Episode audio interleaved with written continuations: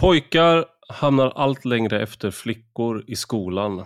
Det är skillnader som har funnits länge men som har ökat över tid. Förklaringen som ofta anges är att pojkar har en antipluggkultur och att den är specifikt knuten till en viss typ av maskulinitet. När det gäller flickor, när, om man ser att det går sämre för dem på något sätt så förklarar man det genom att hänvisa till strukturer i samhället till exempel. Och då har skolan ett kompensatoriskt uppdrag. Därför kan vi se att det finns en uppsjö av insatser för att öka andelen unga kvinnor på olika universitetsutbildningar. De få som är kvar som de inte redan dominerar. Till exempel lära dem att programmera, mera koda eh, och liknande. Något motsvarande finns inte för pojkar eller unga killar. När det gäller flickor så ser man att samhället, lärarna, skolan har ett ansvar. När pojkarna halkar efter så ligger ansvaret hos dem. Det är en så kallad dubbel logik. Man använder en logik för flickor, där är det allas ansvar, och en annan logik för pojkar, då är det pojkarnas eget ansvar. I en ny bok som har titeln Nya vägar till en likvärdig skola och under rubriken Hur teorier om antipluggkultur leder fel och vad vi istället kan göra för att fler pojkar ska lyckas i skolan. Så skriver Fredrik Zimmerman om just detta. Eh, vi pratade han och jag för två och ett halvt år sedan i eh, ledarredaktionen som är SVDs ledarsidas podd. Och då hade han skrivit en bok på liknande tema. Men det han har gjort i den här boken som är nytt, det är att han har undersökt om det verkligen finns en antipluggkultur och vad en sådan förklaringsmodell gör och varför det leder fel. Eh, för det på något sätt så svär man sig fri från ansvar från skolans sida när man lägger ansvaret på pojkarna själva. Det är ett, eh, en intressant bok och eh, det här är ett ämne som berör många. Någonting som utmärker den här boken och Fredrik Zimmerman är ju också att han har identifierat vad man kan göra för att hjälpa pojkar och att de insatserna står inte i motsättning till att hjälpa flickor. Snarare är det så att samma insatser som kan hjälpa pojkar hjälper även flickor, men de kanske hjälper pojkar lite mer. Det handlar om struktur till exempel. Att bryta ner skolarbetet i mindre beståndsdelar, organisera det, lära pojkar och flickor, lär eleverna eh, studieteknik. När skolan arbetar medvetet med det så ökar pojkarnas resultat och även flickornas. Så det är någonting att ta med sig, men det går vi in mer på i podden. Men nu till dagens gäst. Du lyssnar på Rak Höger med mig, Ivar Arpi.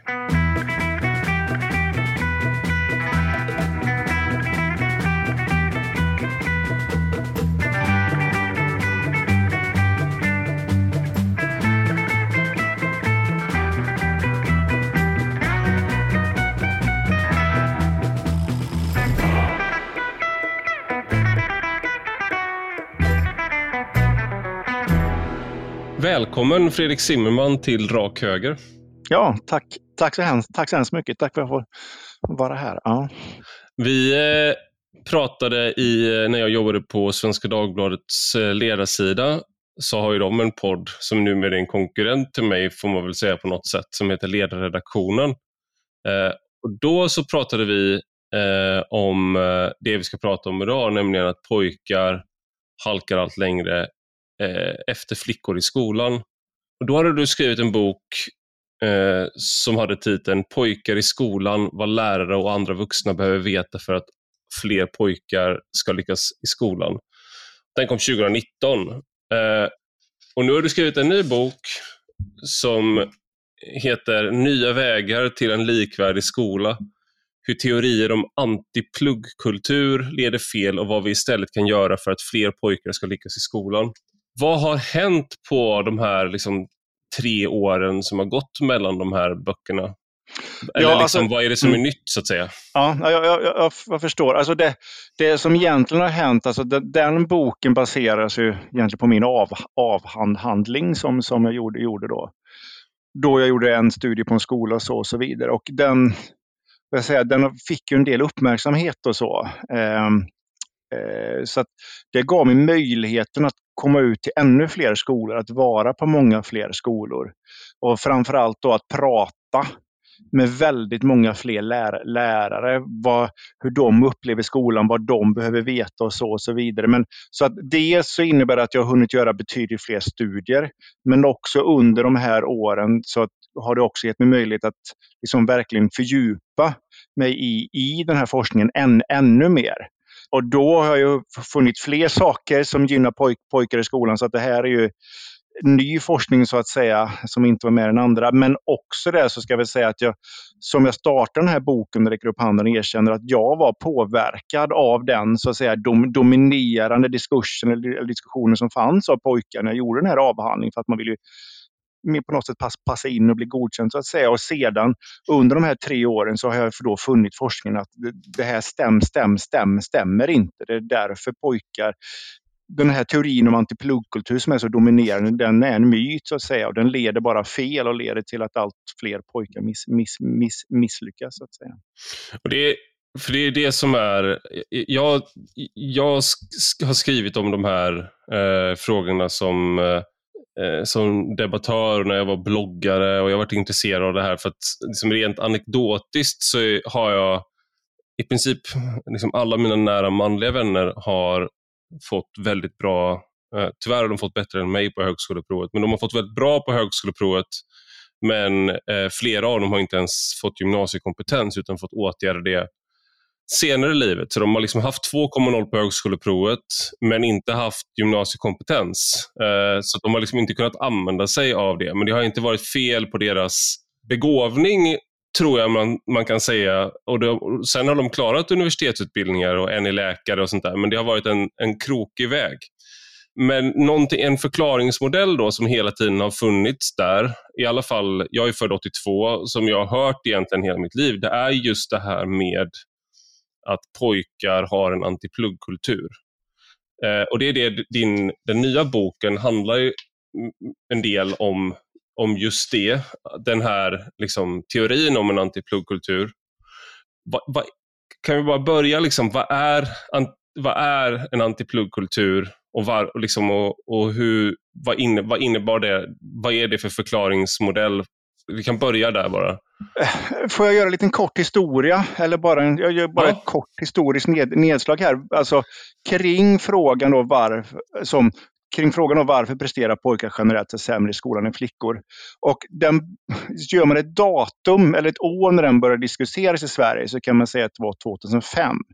För då kom det en, eh, en forskningsrapport från eh, Myndigheten för utveckling. Och eh, året efter så kom en rapport från, från, skol, från Skolverket. Och vad de tar upp i de här rapporterna är att alla projekt vi har gjort för att hjälpa flickorna har varit väldigt, väldigt lyck lyckade. Så att säga. Om går man tillbaka till 60-70-talet så var det fler pojkar som sökte till gymnasiet. Därför satsar man på flickorna. Hur kan vi hjälpa flickorna att söka mer till gymnasiet? Det har varit väldigt lyck lyckosamt. På 80 och 90-talet, framförallt på 90-talet, så var det då presterade pojkar bättre i naturvetenskap och matematik, just de ämnena. Och då satsar man, hur kan vi hjälpa flickorna att liksom bli bättre i de här ämnena så de presterar bättre? Och i slutet på 90-talet så var det också väldigt mycket mer att vi måste få flickor att ta för sig mer i, klass, i klassrummet. Och då Just det, det var den här, eh, den här eh, stereotypen om den tysta flickan ja, precis, som precis. Blir liksom, inte mm. kan ta för sig och blir ja. blyg och så ser stojiga ja. killar runt omkring. Ja. Och så Precis. Och då, och då visar ju forskningen det att men flickor tar för sig allt mer i, klass, i, klass, i klassrummet. Sen, sen skapar de en disk, diskussion om det alltid har varit så att flickor har tagit för sig och det har varit en myt eller om det Eh, det, eller om de här projekten har hjälpt, har hjälpt de här flick, flickorna. Så Men det som tas upp i de här rapporterna är då att det har varit väldigt lyckat för flickorna söker, kommer in mer på gymnasiet och flickorna presterar bättre än pojkar i naturvetenskap och matematik. Det vill säga flickor presterar bättre än pojkar i alla ämnen nu utan just id, id, idrott och hälsa. Vilket finns några år undantag.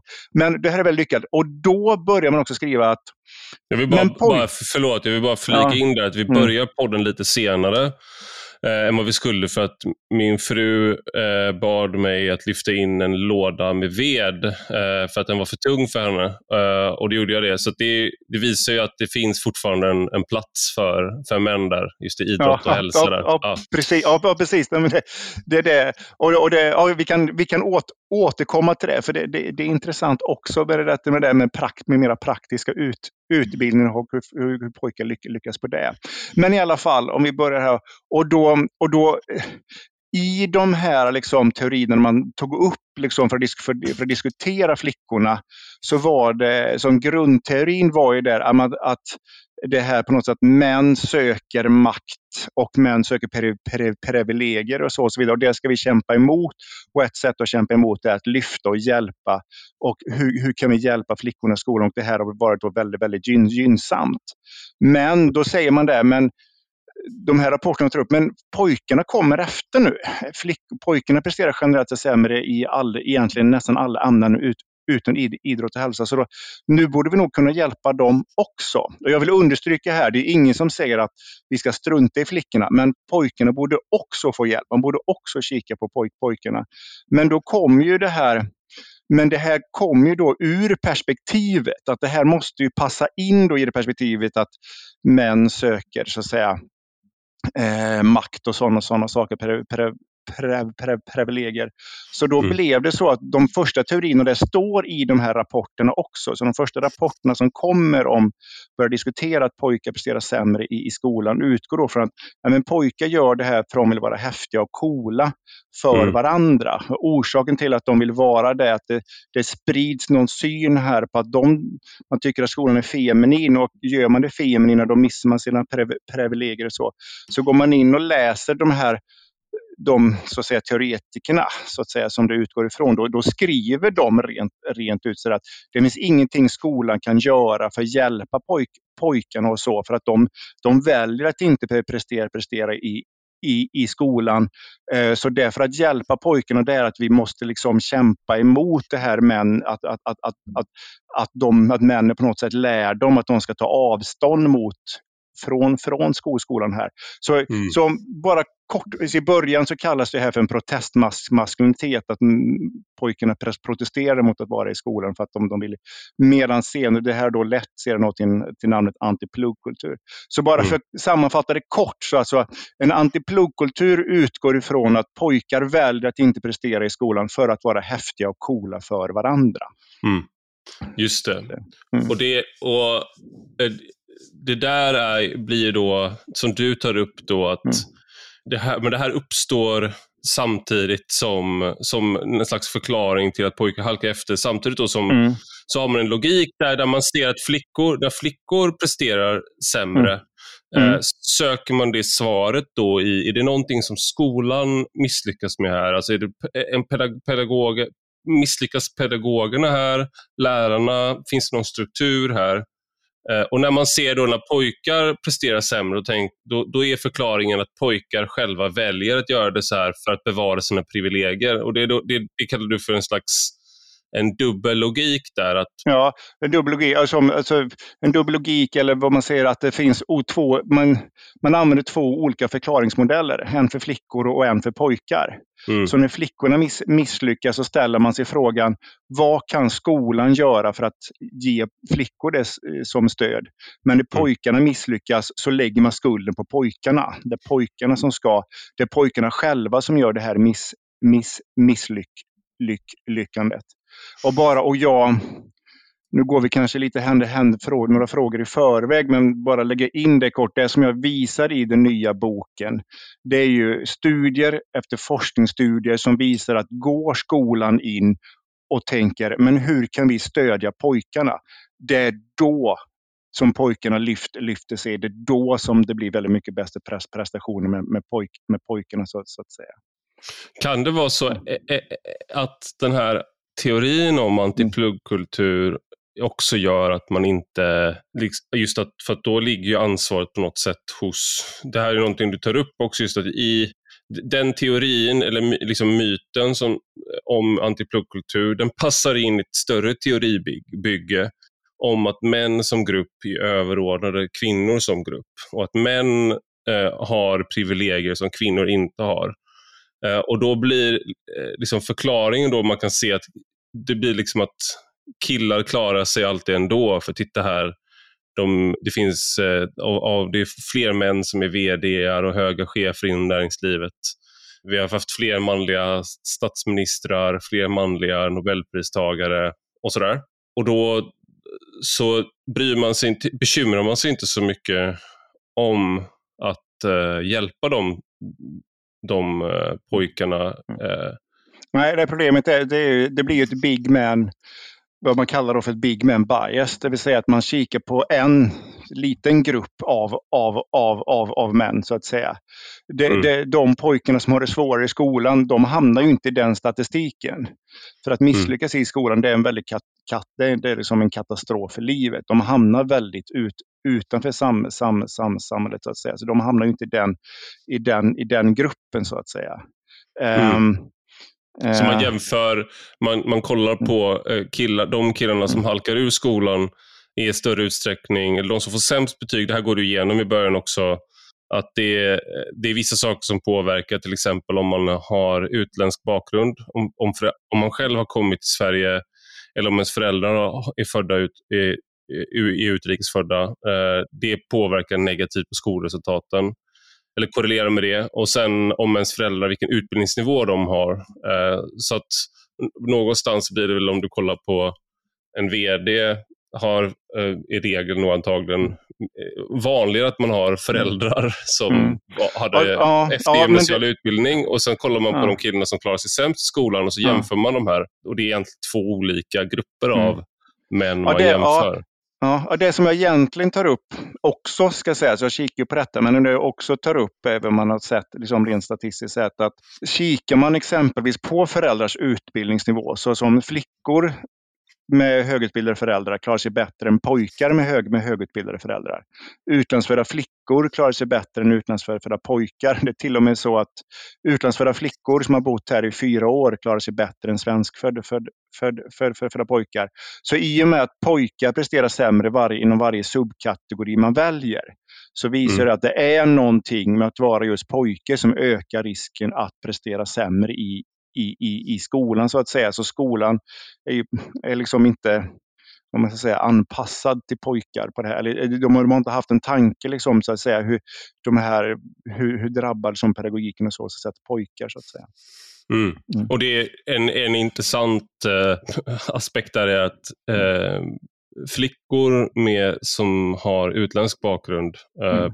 presterar bättre än pojkar med, som har vars föräldrar är inrikesfödda och eller presterar bättre ja, än pojkar som är... Föräldrar som är, föräldrar som är svenskfödda och, och barnen är svenskfödda. Det är den statistiken man har. så att säga. Ja. Och de är också har högre genomsnittsmeritvärde då i avgångsbetyg än eh, pojkar vars föräldrar har eftergymnasial utbildning. Det är ungefär samma, men det är snäppet bättre ja. Eh, i snitt. Ja. Um, så att det är ju det här som tyder, som visar liksom att det är någonting med att vara just pojke. Eh, mm. Så därför är det intressant att. Så jag säger, givetvis är de andra väldigt viktiga så att säga. Men mm. att pojke är också viktigt och det är det som jag har kik, kikat på. Då. Eh, jag, jag tänker vi ska eh, gå vidare till eh, snart till vad man kan göra och sådär. Men jag tänker också det finns ju den här, ja, de här den här antipluggkulturen, maskuliniteten, att man hela tiden då vill söka eh, förklaringen i, liksom i könsrollen så att säga hos de här, det, det, är maskuliniteten som det på något sätt blir fel på då. För att det är samma maskulinitet som på något sätt eh, gör att män blir patriarkala, förtrycker kvinnor eller, och som också kanske gynnar dem. Så då måste du göra om pojkarna och det är också den, då, den maskulinitet som ligger bakom den här de här resultaten. Så det blir liksom, åtgärderna blir på något sätt riktade mot pojkarnas eh, manlighet eller maskulin, maskulinitet. Mm. Mm. Och hur, liksom, är det en fungerande, är det en framkomlig väg som du ser det? Nej, definitivt inte. Och jag, jag vill liksom, jag vill också under, under, under ja, nej, det är det, är, det, är det inte. Liksom. Eh, helt, helt enkelt. Och det, är det, bara, så det är den här diskussionen vi har haft de senaste 20-30 åren. Och under de här 20-30 åren så har ju klyftorna ökat så att säga. Men, mm. men det är ju framför allt så att säga så att det finns en forskning där man har gått in och hjälpt. Alltså det, jag har ju forskat mera på skolor och kikat på studier där man har hjälpt pojkarna och då har man ju inte då har man ju inte använt, eller liksom, det visar ju då att den här inte stämmer, för har man inte utgått från detta så att säga. Alltså, som säger, en, en pojke som presterar sämre i skolan och en pojke som är, hög, som är högpresterande.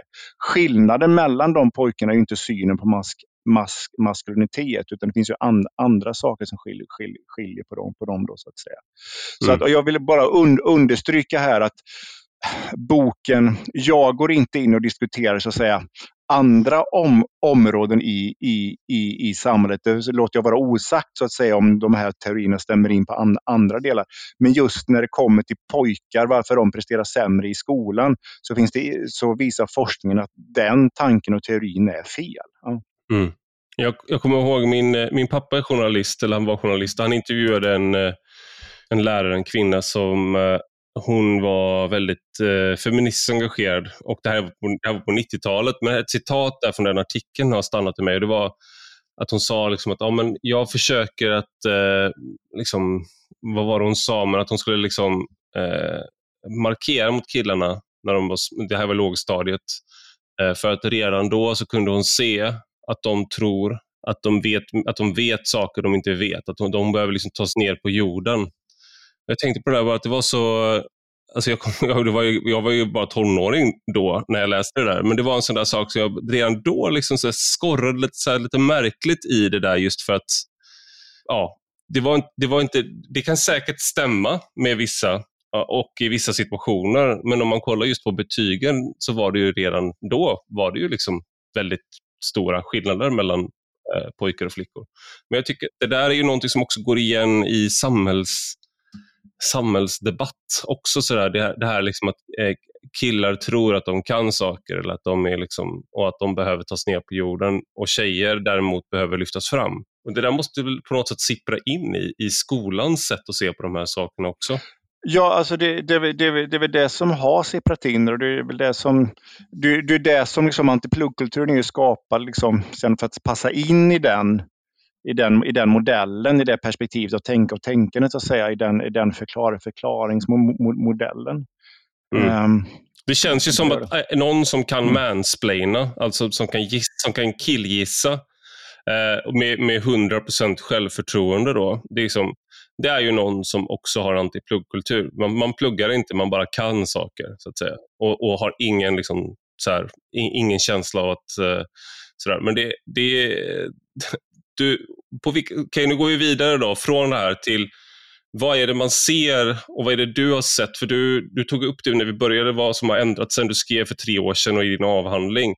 Vad är det man ser då i studier? Liksom, hittar man den här antipluggkulturen eller mm. vad, hit, vad är det man hittar hos pojkar? Ja, alltså, alltså först och främst så säger man, alltså, om vi tar liksom det här exemplet med den här pojken som drar upp huv, huvan och kanske lägger huvudet i bänken eller eller, eller pojken som skolkar eller går inte in på lektionerna.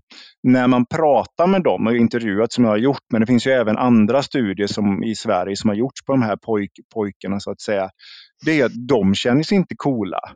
Det är ju mm. tvärtom, de känner, att, de känner att de inte duger. Alltså orsaken till att de inte vill gå in i, i klassrummet är att de har en känsla av att jag, jag, jag duger inte, jag kan, kan, kan inte. Jag, jag, jag mår dåligt här för att jag är, ett, är, är, är, är på en plats som inte är begrip, begrip, begriplig för mig.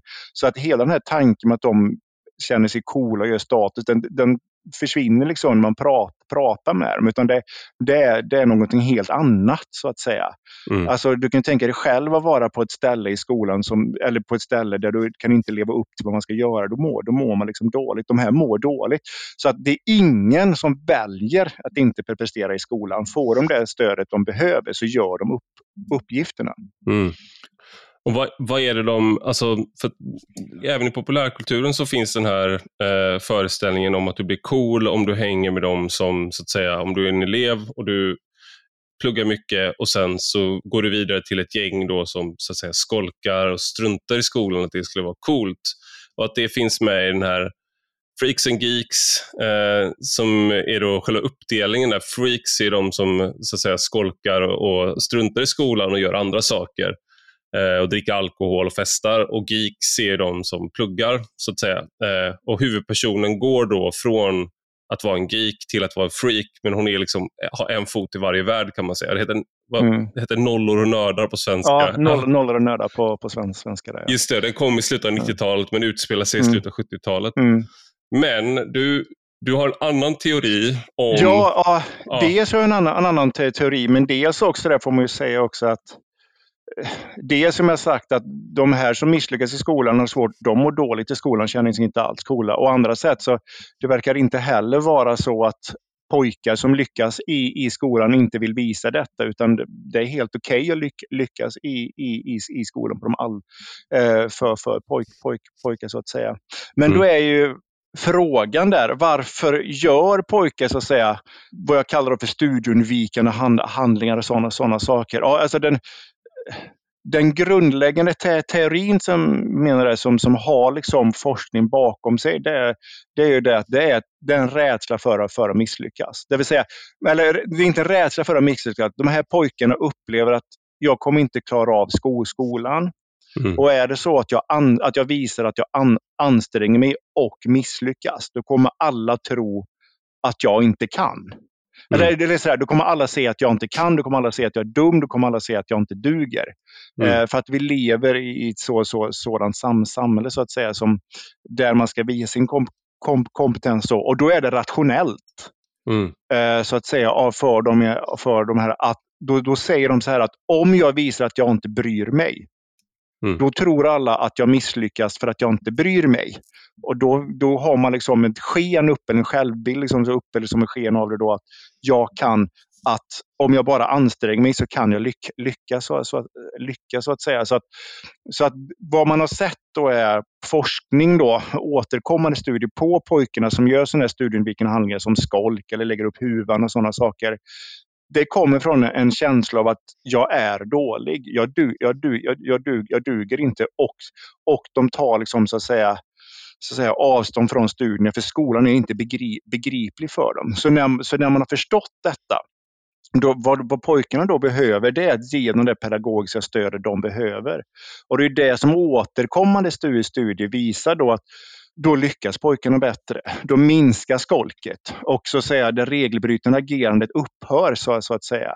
Mm. Um, så gör man skolan så att, som jag säger så här, så att man kan ju se till, flick, till, flick, till flickorna där att om, om man tänker, men hur kan ge, hur kan, hur kan ge flickorna stöd i, i, i skolan? Då har man lyckats med det och liksom lyckats med flickorna och det är ju jättepositivt. Och mm. då kan man ta inspiration från det och mena, då måste man göra samma sak med pojkarna. Mm. Så att säga, tänka hur kan liksom skolan ge, ge dem stöd så att säga. Alltså det finns ju, alltså bara, bara nu pratar jag forskning, men om, men om vi tar liksom ett, ett, ett, ett rakt exempel. Jag får inte säga de skolorna som jag kikar på, men de skolorna så att säga som och verkligen lyft liksom, pojkars resultat, de har ju utgått ifrån att, att ge pojkarna ett, ett, det pedagogiska stöd som de, som de behöver, behöver, så att säga. Mm. Och det är exempelvis, det var ju en skola i Biskopsgården som var i eh, som var i, ny, i, ny, i, nyheterna för några, några månader sedan. Jag har träffat de här lärarna och rektorn och sådana saker. Och det var ju rektorn som, som gick in och sa att, som gick in det här, jag vill förbättra förbättra resultatet på skolan.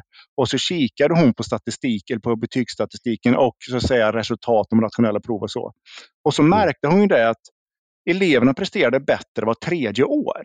Mm. Och så varför 17 presterade de bättre var tredje år? Och då märkte hon det, det berodde på en lärare. Och då gick hon in och kikade på, och det, framförallt presterade pojkarna flickorna presterade bättre, men också pojkarna presterade mycket, mycket bättre så att säga, så att betygen ut, utjämnades. Så, att säga. så hon gick in och kikade på den här läraren. Vad är, det, vad är det du gör? så att säga? Och den här läraren gör ju egentligen exakt vad forskningen säger, liksom, så, att, säga, så att det finns en möjlighet att förändra liksom, skolan. Och då gjorde hon ju också så att alla på den här skolan ska arbeta som, som den här läraren för, för att det ger resultat.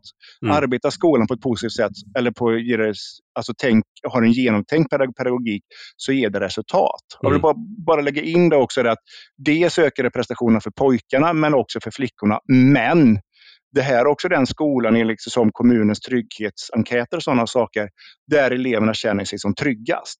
Mm. Och det jag vill också säga det, alltså både flickorna och pojkarna, och det, är åter, och det är någonting som återkommer i mina intervjuer på skolor där man har gått in för att satsa. För att de satsar ju inte bara för att höja pojkarna, men de gör saker som höjer pojkarna som också hjälper flickorna. Och även som låg, både låg, som även de högpresterande flickorna säger att de trivs väldigt mycket bättre på den här, på den här, på den här, på den här skolan och har en bättre skol, skolmiljö. Så, att säga. så att det finns ingen motsättning att hjälpa och höja pojkarna och hjälpa flickorna. För flickorna ser också att de trivs bättre på de här, på de här skol, skolorna. Vad är det för, eh, vad kan det vara för olika insatser som eh, liksom, som, som lyfter både flickor och pojkar, men liksom, som kanske svar, pojkar svarar på bra. Mm. Ja, det är ju, det är ju att det som ett, om läraren tar ett tydligare ledarskap. Eh, så att säga. Dels, jag kan säga de, de skolorna som jag har varit på, men också andra studier visar, det är ju att man fokuserar på studieteknik, vilket man då vet framförallt då pojkar som har det svårare i, i, i skolan, de kan ha det svårare att veta hur ska man, hur ska man så att säga eh, hur ska jag ta mig an en, en uppgift som jag inte för förstår? Hur ska, ska man börja där? Och de, så då har man gått, gått in där och hjälpt dem med studieteknik. Man har också gått in med att läraren tar ett tydligare ledarskap och har ett tydligare, så att säga, under, mera strukturerad under, under, undervisning. Så att säga. Det gynnas pojk, pojkarna väldigt, väldigt mycket, mycket av. Så att säga. Och sen är det också de skolorna som gått in som man märkt som har det väldigt tydlig. Eh, sen är det också så när pojkar börjar skolan, alltså i årskurs ett, mm. så ska det också sägas att på gruppnivå så är pojkar, så har pojkar en sämre språklig förmåga än flickor på gruppnivå. Så tala, läsa och skriva. Vad, vad det beror på kan man, kan man ju dis diskutera så att säga. Men man gör mer aktivitet med flickor som ökar deras språk, språkliga förmåga och så vidare. Men och har man då gått in och hjälpt pojkarna där, då, då liksom, för att det här det är nog typ det viktigaste verktyget man har för att klara, klara, klara, klara skolan. Så går man in där väldigt tidigt, tidigt och hjälper och hjälper dem, då lyckas de bättre, bättre med, med, med, med, skolan, med skolan så att säga. Så att, Finns det den här, den här, för du, hade någon, eh, du tar upp en studie i boken där man har gjort olika, det, det man kallar för interventioner och så har man en, och då är det olika sätt där man så att säga gör någonting för en grupp och sen så har man en kontrollgrupp där man inte gör någon intervention, där liksom allting business as usual så att säga. Och så jämför man sen de här olika interventionerna med den gruppen där ingenting annorlunda har skett.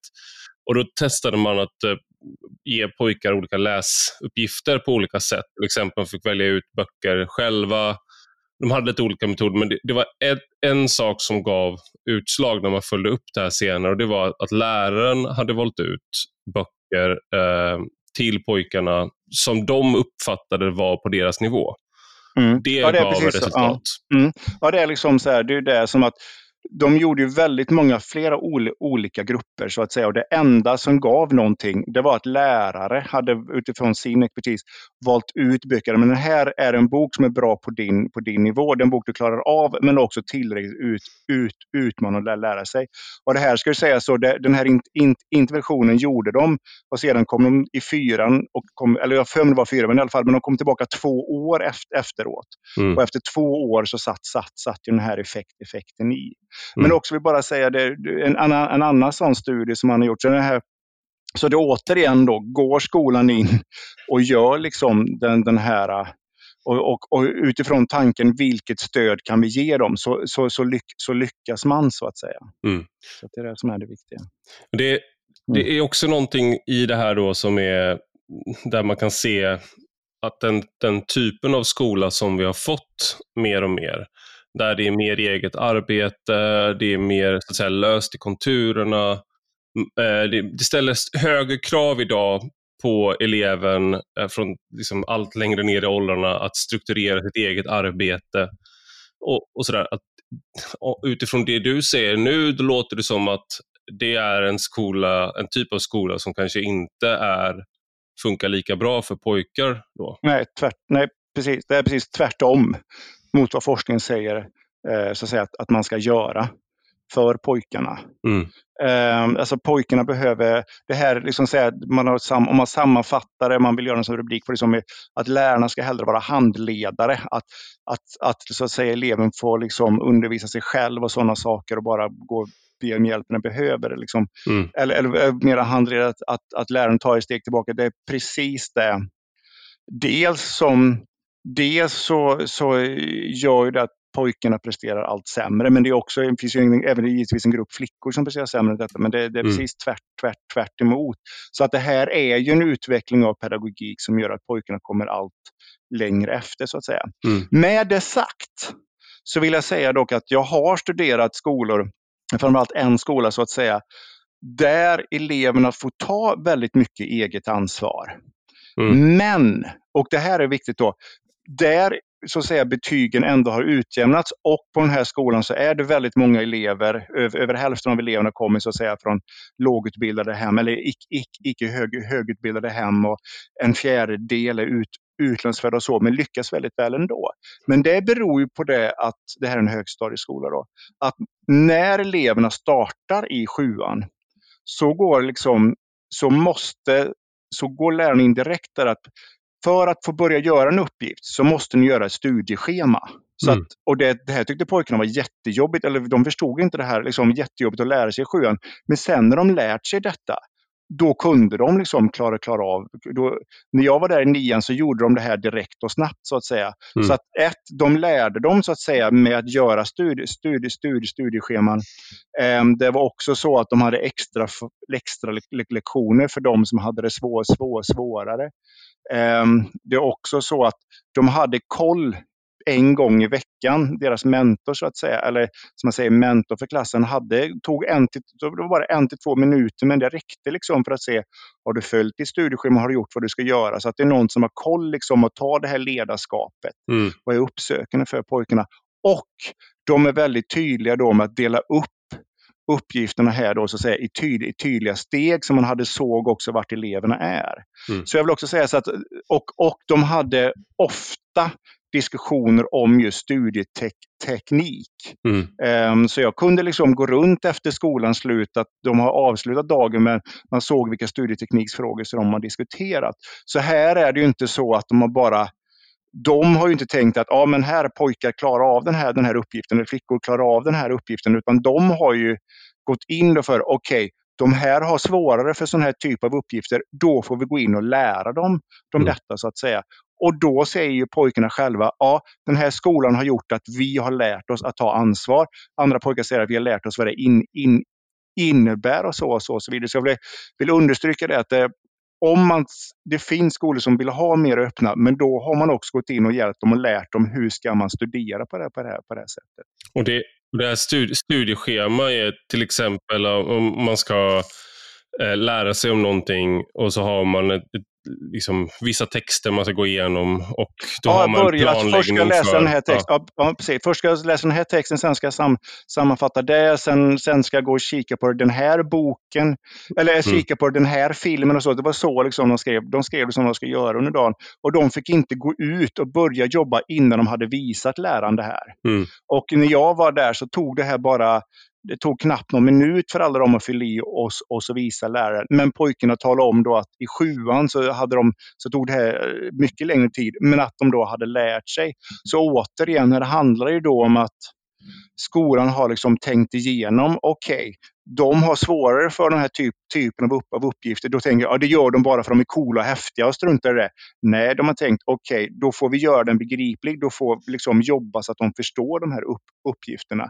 Och det har liksom utjämnat eh, så att säga, betygen då, så att säga. och även flickorna säger att de trivs väldigt, väldigt bra på den här, på den, på den här skolan. så att säga. Och det, det låter ju mm. som, eh, för, för några år sedan så var det mm. reportage om att de här eh, lärandemålen, tror jag det, det heter, att de på liksom, i grundskolenivå ibland var mer avancerade än vad det var på universitetsnivå. Och, liksom, och, det, var någon, det var någon som var, liksom, som var professor i ekonomi som hade försökt hjälpa sitt barn som gick i femman och de hade fått C eller något sånt där på en fråga om ekonomi på det området som, som hon då, liksom, alltså mamman, var expert inom, men det var för komplicerat för, för henne att kunna hjälpa sitt barn. Och då, så här, det, det, när du säger då att, eh, det skriver om i boken, att göra det begripligt, då handlar det om att bryta ner saker och ting till hanterbara storheter. så att säga. Du läs de här sidorna och sen kan du ha, eh, så bolla med en kamrat om att repetera och liksom att bygga upp att det där kan hjälpa särskilt då eh, studiesvaga elever eh, att, att, att lyfta sig. Mm. Ja, det är precis det här som, de, som har gjort att börja på den här nivån då, då, klar, då klarar man det inte. Ungefär som, som vi pratade om innan, det här exemplet med läsningen. Att de som valde böcker liksom, som var på högre nivå, ja, men då, lärde, då lärde man sig inte alls. Utan känner man sig då att man inte fixar de här, ja, men då tar man avstånd från, från, upp, från upp, uppgifterna så att säga. Mm. Eh, och det här avståndet ligger ju inte då i att man vill vara cool och häftig, för det är ingen som tycker, som tycker man är cool och häftig, utan det är, skolan är, är, är, är liksom inte begriplig och det är jobbigt att vara i en, en miljö som, en, som inte är begriplig. så att säga.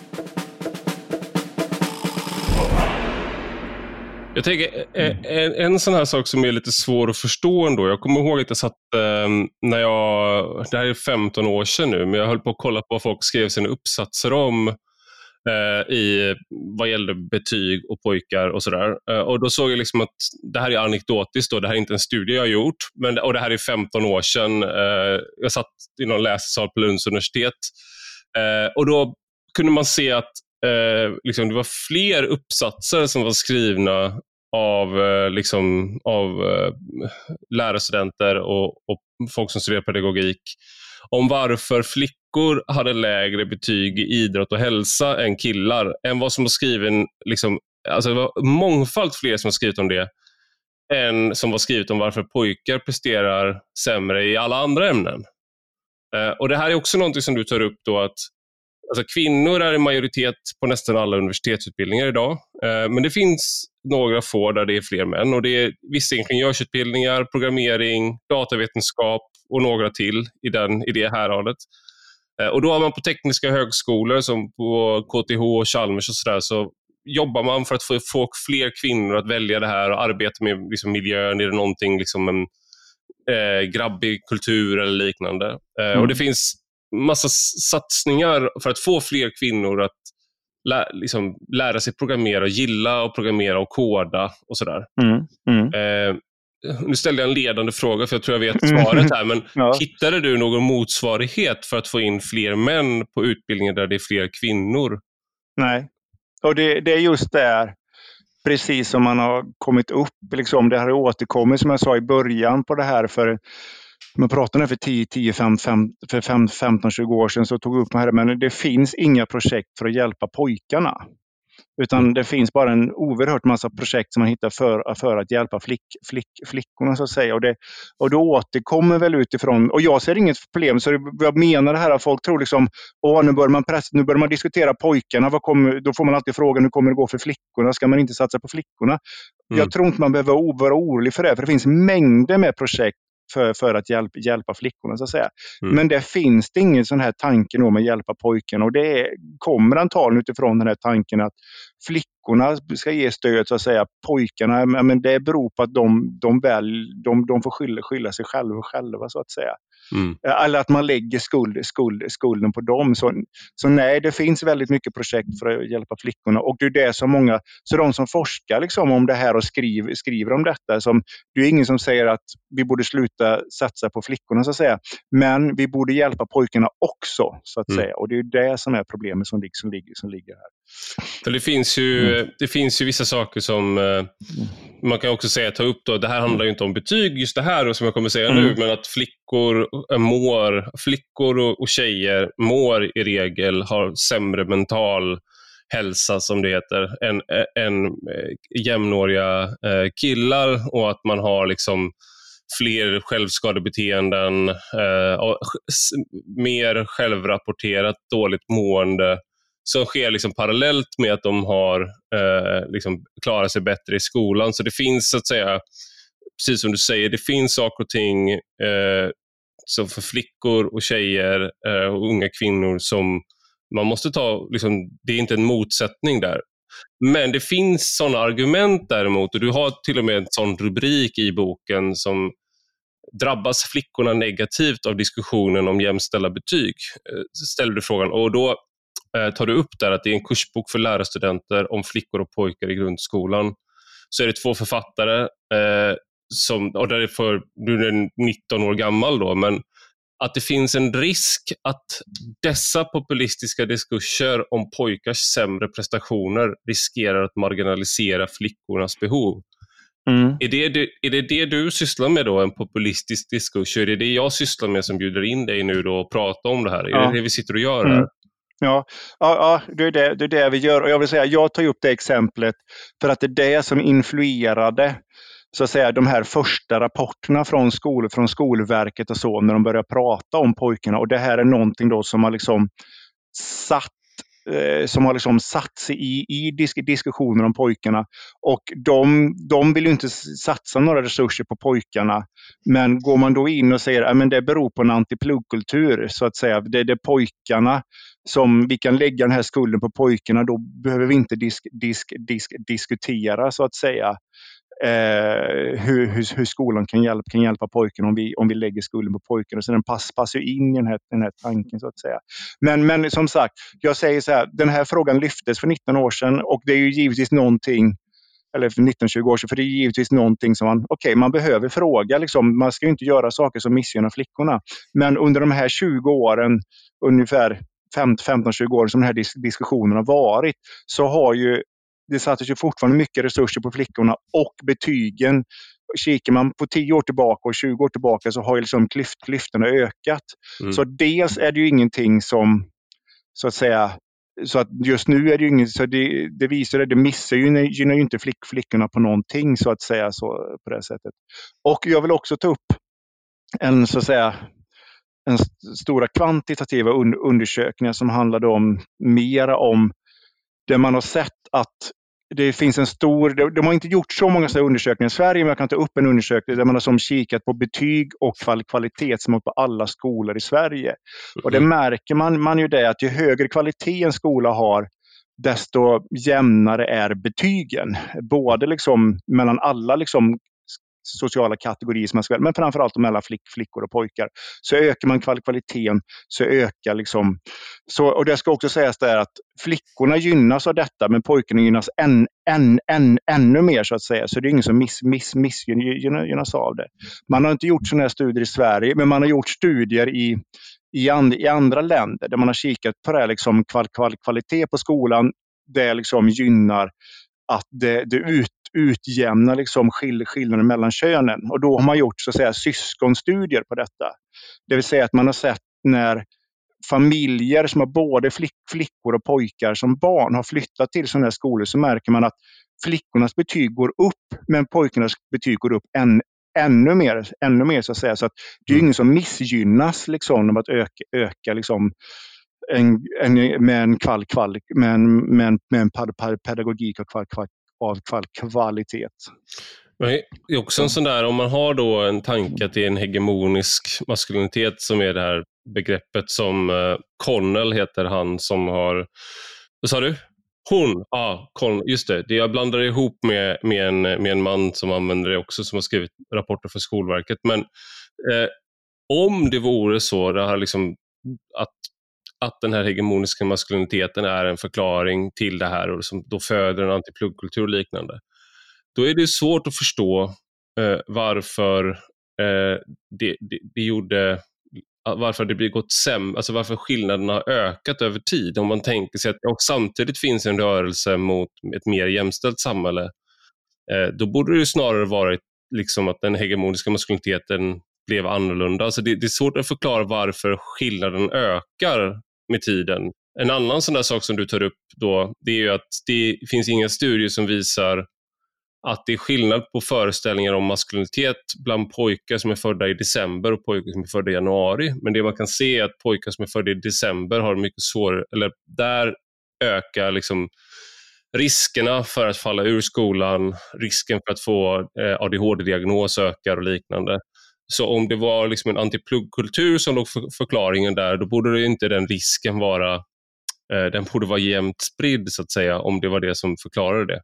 Men nu tänkte vi kunna komma in på någonting som, liksom, som är lite komplicerat på flera sätt, men att finns det en biologisk förklaring? För jag, jag, kan bara ta liksom en anekdotisk, ja, anekdotisk eh, bevisföring, men att jag själv hade väldigt, jag är född sent på året och hade väl eh, problem med, liksom, med det verbala, kommunikation och när jag började skolan och så.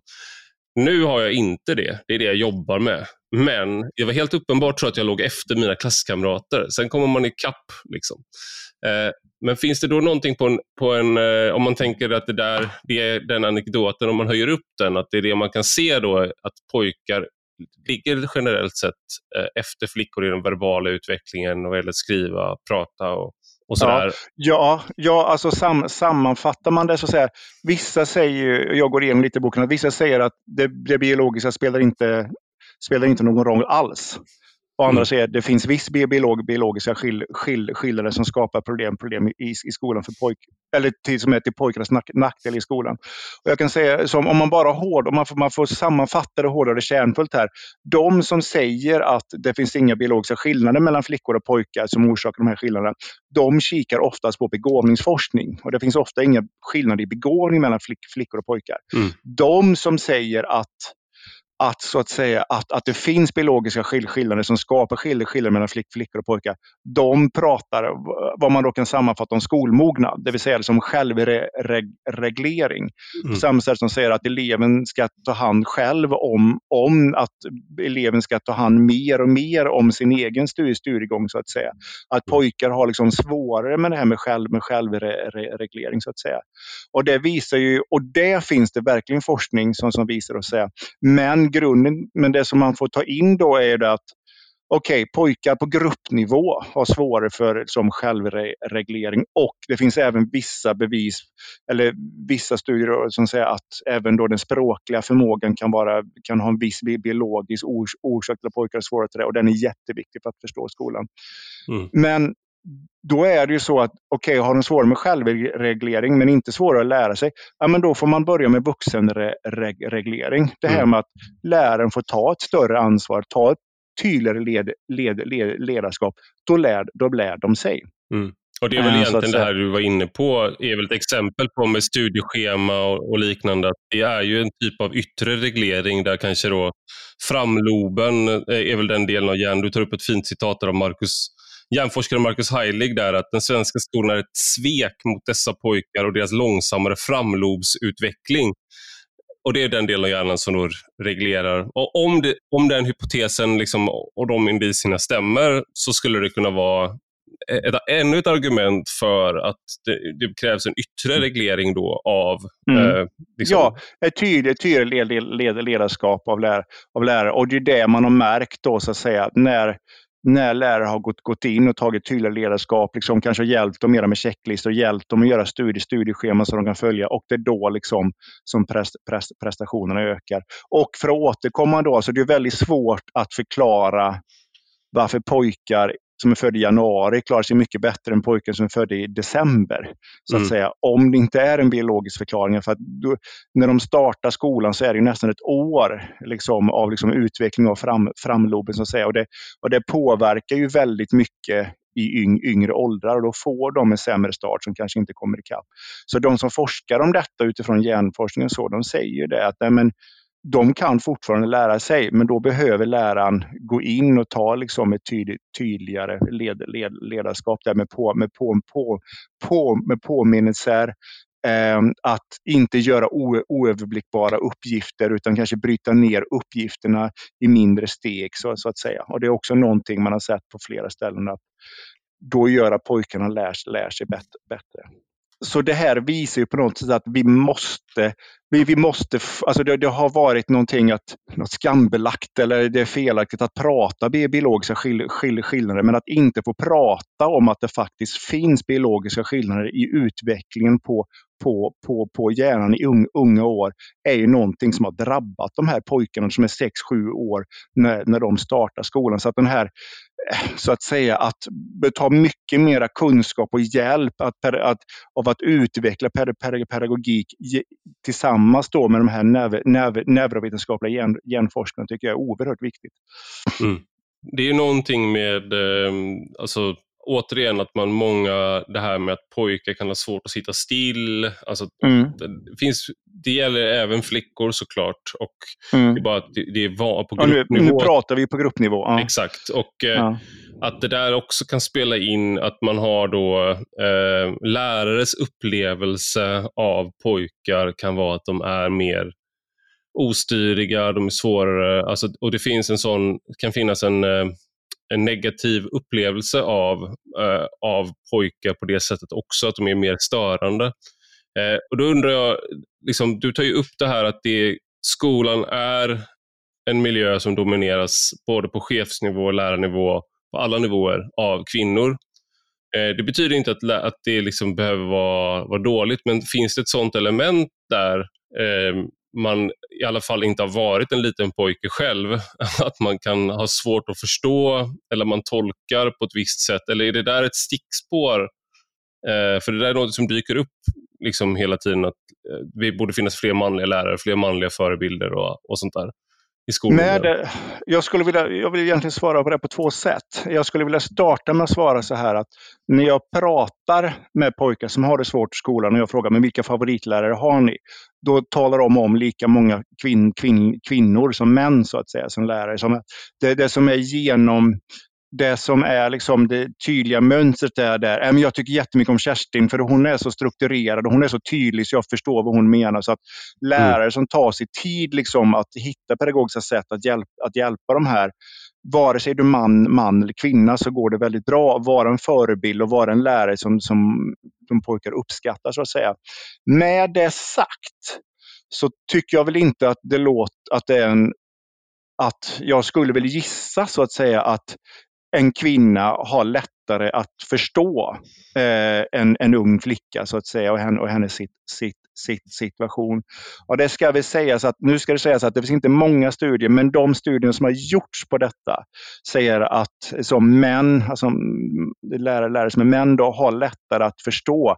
Jaha, okej, okay, den här pojken när han kanske skolkar eller, eller lägger upp huv, huvan och drar sig ifrån. Han gör det för att han, för att han mår, mår, mår dåligt så att säga. Och har den förståelsen. Okej, okay, du mår dåligt för att du känner att du inte duger, duger i skolan. Då får vi hjälp, hjälpa dig så att skolan blir begriplig och att alltså, du börjar duga. Eh, så att du känner att, att du är en person som kan lära, kan lära dig. Så att säga. Det kan vara ofta enligt de studier som har gjorts, så att säga, det är inte mycket, så att säga, många, men några som de jag läser, så, så är det oftare kvinnor som tolkar det här mer, men det här gör han då för att han vill vara häft, häft, häftig och cool, så att säga. Mm. Så att visst, jag tror det finns någonting där att och, och, och, och tar vi då an, anekdotiska bevis, som man säger, när jag är ute och pratar med lärare så, är det, så märker jag betydligt oftare då att män sitter och nickar och säger att de förstår. Men det, det, pojkar är inte, gör inte rätt för att vara cool, cool och häftig, utan jag, jag förstår att de gör det för att de upp, en upplever känslan av att, av att de inte duger, duger så att säga. Mm. Om man ska eh, kolla på varför det här för du är ju inte, du är ju bara en person.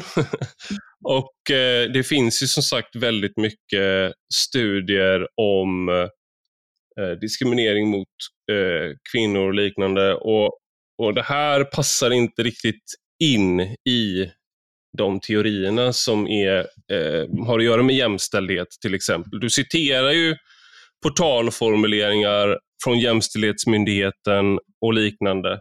Som hur, hur, mycket av det här kan inkorporeras? Det här är en lite teknisk fråga, men alltså hur, hur mycket kan av det här kan inkorporeras när vi har ett gr grundfeministiskt synsätt på, på skolan till exempel. Eller en, en, vår, vår, teori om världen är feministisk, så att säga.